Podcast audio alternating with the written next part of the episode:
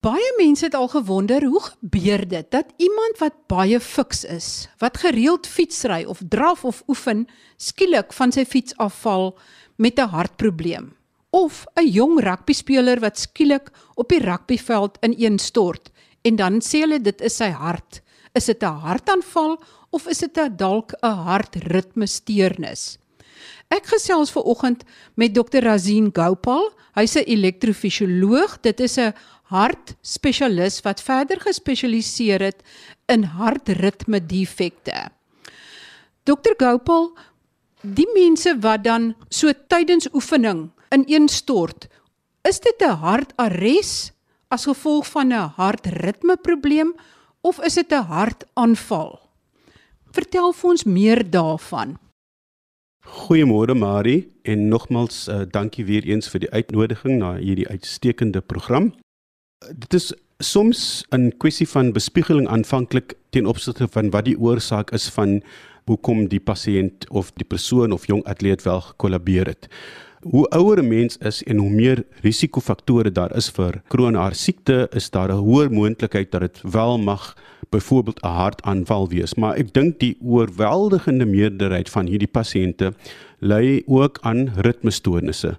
En hierdie ritmestoornisse mag aanleiding gee dan tot skielike dood.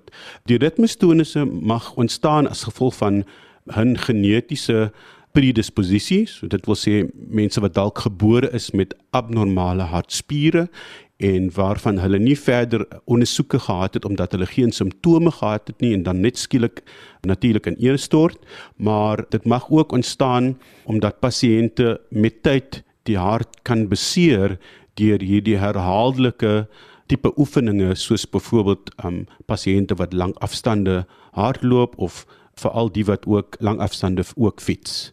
Hierdie tipe endurance sport is gebonde aan probleme wat spesifiek um, hartstoornisse ook insluit. Kan jy ons meer vertel daarvan? Oefening is dan veronderstel om goed te wees vir jou liggaam is dit omdat dit uitermate uitdagende oefening is of wat is dit dan wat verkeerd loop in die hartspier dat dit dan ritmestoornisse veroorsaak? Dit is eintlik 'n baie a, moeilike vraag om te beantwoord omdat ons nie 'n spesifieke toets het om hierdie pasiënte wat wel hoë risiko onmiddellik vir hulle te kan stratifiseer nie want dit is nie altyd moontlik om voor die tyd te kan te probeer vasstel wat se pasiënt wel tot so 'n risiko in staat is. So byvoorbeeld iemand wat gebore is met 'n abnormaliteit van hulle regte ventrikel sogenaamde regte ventrikulêre kardiomiopatie of andersins aritmogene ventrikulêre kardiomiopatie wat hoofsaaklik die regte ventrikel aantas. Sulke pasiënte is tot hoë risiko om lewensbedreigende ritmestoornisse te ontwikkel en dat hierdie dan meer manifesteer tydens oefening. Maar ons kan ook kry dat pasiënte wat normale harte byvoorbeeld het met herhaaldelike en uitermate oefening die regterventrikel mag beseer en sogenaamde athlete's heart of athlete's heart ontwikkel. En baie einde van spektrum van hierdie siekte van athlete's heart of die atleet se hart kan ook dan spesifieke aanleiding gee tot ritmestoornisse, maar ook geleidingsstoornisse sodat van die pasiënte mag opeindig moet byvoorbeeld pasingeers as gevolg van episodes van bewussyn verlies omdat die hartklop te stadig is.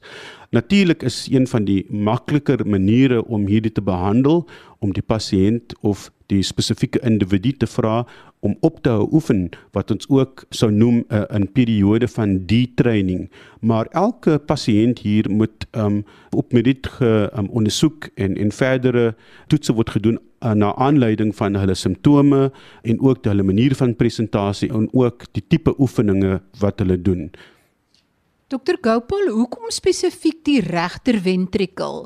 Die linker ventrikel is dan die een wat die bloed na die liggaam toe pomp en die regter een is die een wat die bloed na die longe toe pomp. Hoekom is dit dan spesifiek die regter ventrikel wat skade opdoen? Daar is hierna gekyk en uh, dis eintlik interessant uh, my mentor van België professor um, Hein Hartbugel wat tans die president is van die Europese Hartritme Assosiasie het eintlik 'n baie werk in hierdie rigting gedoen. En uh, dit het te doen met um, spesifieke tipe stressors op die verskillende ventricles en onthou dat die uh, regter ventrikel ook gekoppel is natuurlik aan die long of pulmonale sirkulasie. En dit het te doen met veranderinge in hierdie pulmonale sirkulasie en dit wil sê die drukke in die pulmonale stelsel wat ook dan verdere aanleiding gee tot vergroting van die regterhart want die regterhart moet natuurlik teen 'n hoë druk pomp. En hierdie uitgesettenheid of vergroting van die regterventrikel mag lei tot verskillende argitekturele sowel as elektriese veranderinge binne in die ventrikel wat dan aanleiding gee tot die ritmestoornisse. Dit gesê, dit is interessant dat die regter ventrikel eintlik die meer prikkelbaar van die twee kamers is.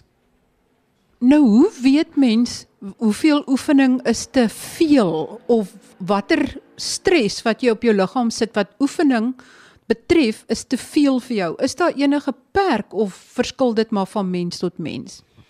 'n mens kan net spekuleer en dit verskil grootliks van persoon tot persoon. Daar's 'n baie groot interpersoonlike variasie. Daar is pasiënte wat byvoorbeeld ritmestoornisse en as gevolg daarvan skielike dood kry met baie min geskiedenis van oefening.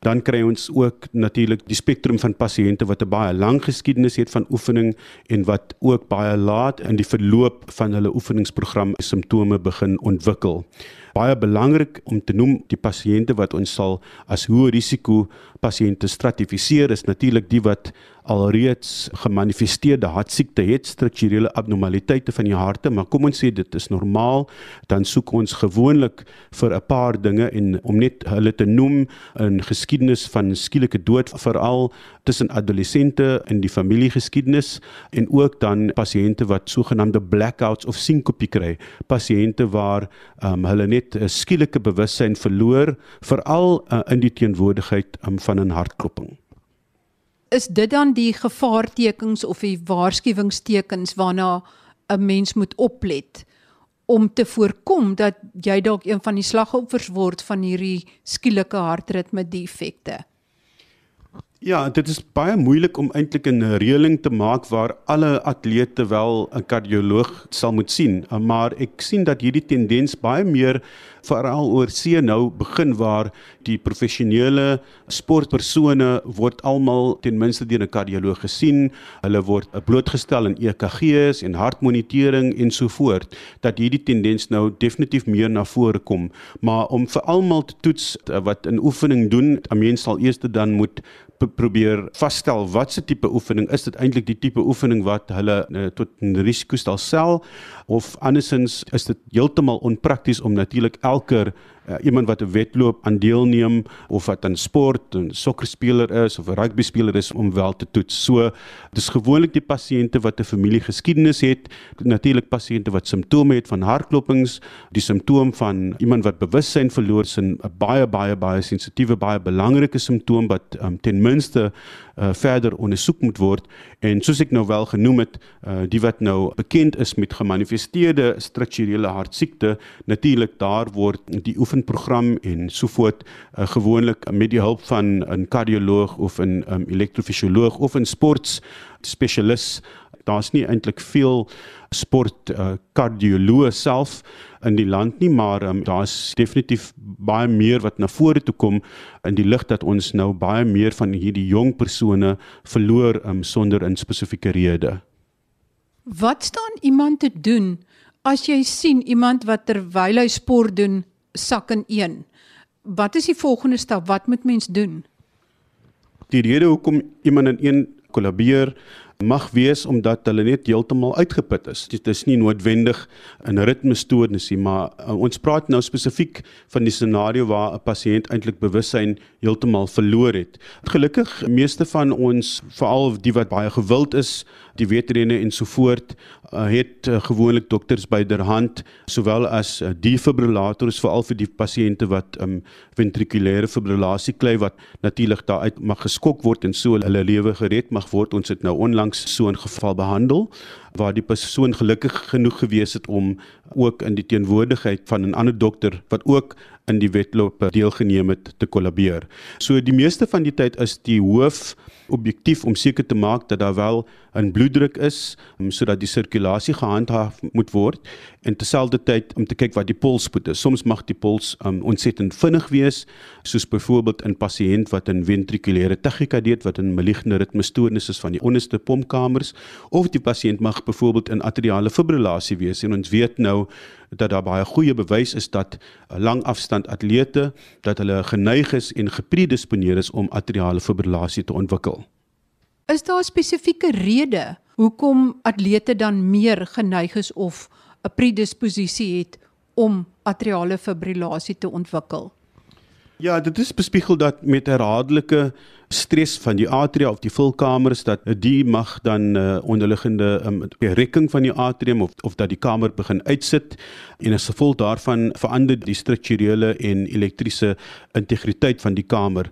Ook as pasiënte of atlete of individue wat lank afstande hardloop geneig is om 'n baie laer polsspoed te handhaaf. So van die individue mag um, polsspoede so laag as in die 20s of 25 of 30 selfs as hulle baie fiks is en dit uh, stel hulle dan in staat om 'n tipe vagale tipe atriale fibrillasie te ontwikkel waar die stadige polsspoed help om die atriale fibrillasie aan die gang te kry, 'n uh, sogenaamde vagale atriale fibrillasie waar hulle parasimpatiese tonus ontsettend laag is en en laat toe dat die aberrante stroombaantjies vanaf die pulmonale vene oorheers en die pasiënte so makliker atriale fibrillasie ontwikkel. Die parasimpatiese stelsel is natuurlik ook 'n um, gedeelte van die patologie Een van die benaderings tot atriale fibrillasie in die verlede was ook gewees om sogenaamde parasimpatiese ganglions in die linker atrium ook te vernietig uh, as gevolg van hierdie neiging van parasimpatiese oorheersing. So dit is op grond van um, herhaaldelike besering tot die atriale kamer en stres wat lei tot uitsetting van die kamer en verandering in die um, elektriese integriteit uh, sowel as die feit dat die individu ook meer geneig is om 'n baie laer polsspoed te handhaaf. Dr Gopal, dit laat my nou dink aan die woorde van um, professor Christian Barnard wat gesê het die hart is net 'n pomp. Jy het daarby gesê dit is 'n pomp wat wel in 'n baie goeie ritme en 'n gereelmatige ritme moet pomp maar die pomp lyk my moet nie onder geweldige stres geplaas word nie want dan kan die pomp skade opdoen. Dit is uh, inderdaad die geval, maar die een probleem is en wat vir ons 'n groot uitdaging is, is natuurlik om hierdie uh, individue wel te identifiseer. Die hart sal wel sy werk kan doen terwyl hy in normale ritme is, maar enige ritmestoornisse affekteer dan die hart se kardiale omset en die slagvolume wat daarmee gepaard gaan en as gevolg daarvan sal die gewone perfusieddruk na die organe ook val, byvoorbeeld na die brein toe en dit is een van die redes hoekom pasiënte dan bewussyn sal verloor. Dr Gopal, ons het nou gepraat oor atriale fibrillasie en ook oor ventrikulêre Eh, tachykardie of as die ventrikels maak dat die hart te vinnig pomp of as die syne van die atria, die ontvangkamers afkom dat die hart onreëlmatig en onreëlmatig vinnig klop. Ek verstaan ook daar's nuwe tegnologie wat nou ingespan kan word in die behandeling van onreëlmatige ritmes. Kan jy dalk vir ons meer vertel oor atriale fibrillasie? Wat is die jongste inligting betreffende die tegnologie vir die behandeling van atriale fibrillasie. Ehm um, soos jy bewus is, het ons nou net die eerste geval voltooi van uh, die gebruik van die nuutste krioballon tegnologie en ons voel baie geëerd om in hierdie posisie te wees. Ons is gelukkig dat uh, die nuwe tegnologie gewoonlik aan ons aangebied word en dit het te doen met die feit dat natuurlik ons die grootste volume en die grootste ondervinding het met krioablasie vir atriale fibrillasie in die ontwikkelende wêreld, sogenaamde emerging markets. Um, hierdie is nou die eerste keer wat hierdie ballon gebruik word. Dit laat vir verskillende voordele laat ons toe om die ablasie dalk uh, vinniger uit te voer. So die eerste voordeel van die nuwe ballon is dat uh, die tyd wat ons spandeer om die ablasie te doen, veronderstel is om statisties aansienlik minder te wees, so amper minder as 'n kwart van die tyd. Oor die algemeen neem dit vir my tussen uh, 30 en 35 minute om die pulmonale venus te isoleer. So dit wil sê min of meer die tyd vir 'n atriale fibrillasie ablasie.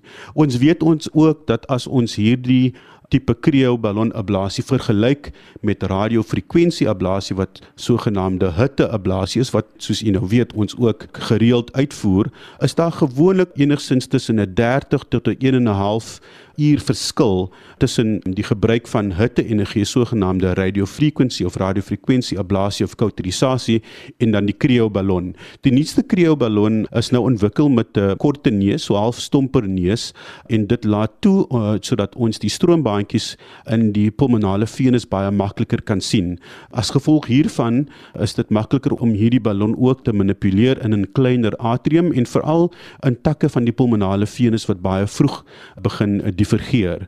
So behalwe die feit dat ons minder tyd in die hart spandeer, beteken dit natuurlik minder bestraling vir beide die operateur en sowel as die pasiënt en dit beteken gewoonlik ook die minder tyd natuurlik 'n minder geneiging tot komplikasies. Ons weet dat hoe langer ons in die linker atrium spandeer, hoe meer is daar geneig om eintlik um, komplikasies te ontstaan van hierdie toename in die tyd wat ons eintlik in die linker atrium spandeer. Ons is ontsettend opgewonde hier by die uh, Kaapstad se atriale fibrillasie sentrum met die loods van hierdie nuwe krioballon uh, tegnologie. Soos jy weet, het ons nou onlangs ook net bevestig dat ons die grootste ervaring uh sowel as ook volumes in die ontwikkelende wêreld of sogenaamde emerging markets wat hierdie tegnologie betref. Dit is belangrik uh, om dit te noem want ons weet dat veral in elektrofisiologie 'n sukses syfer sowel as komplikasies baie nou gebonde aan die volume prosedures wat uitgevoer word by 'n sentrum.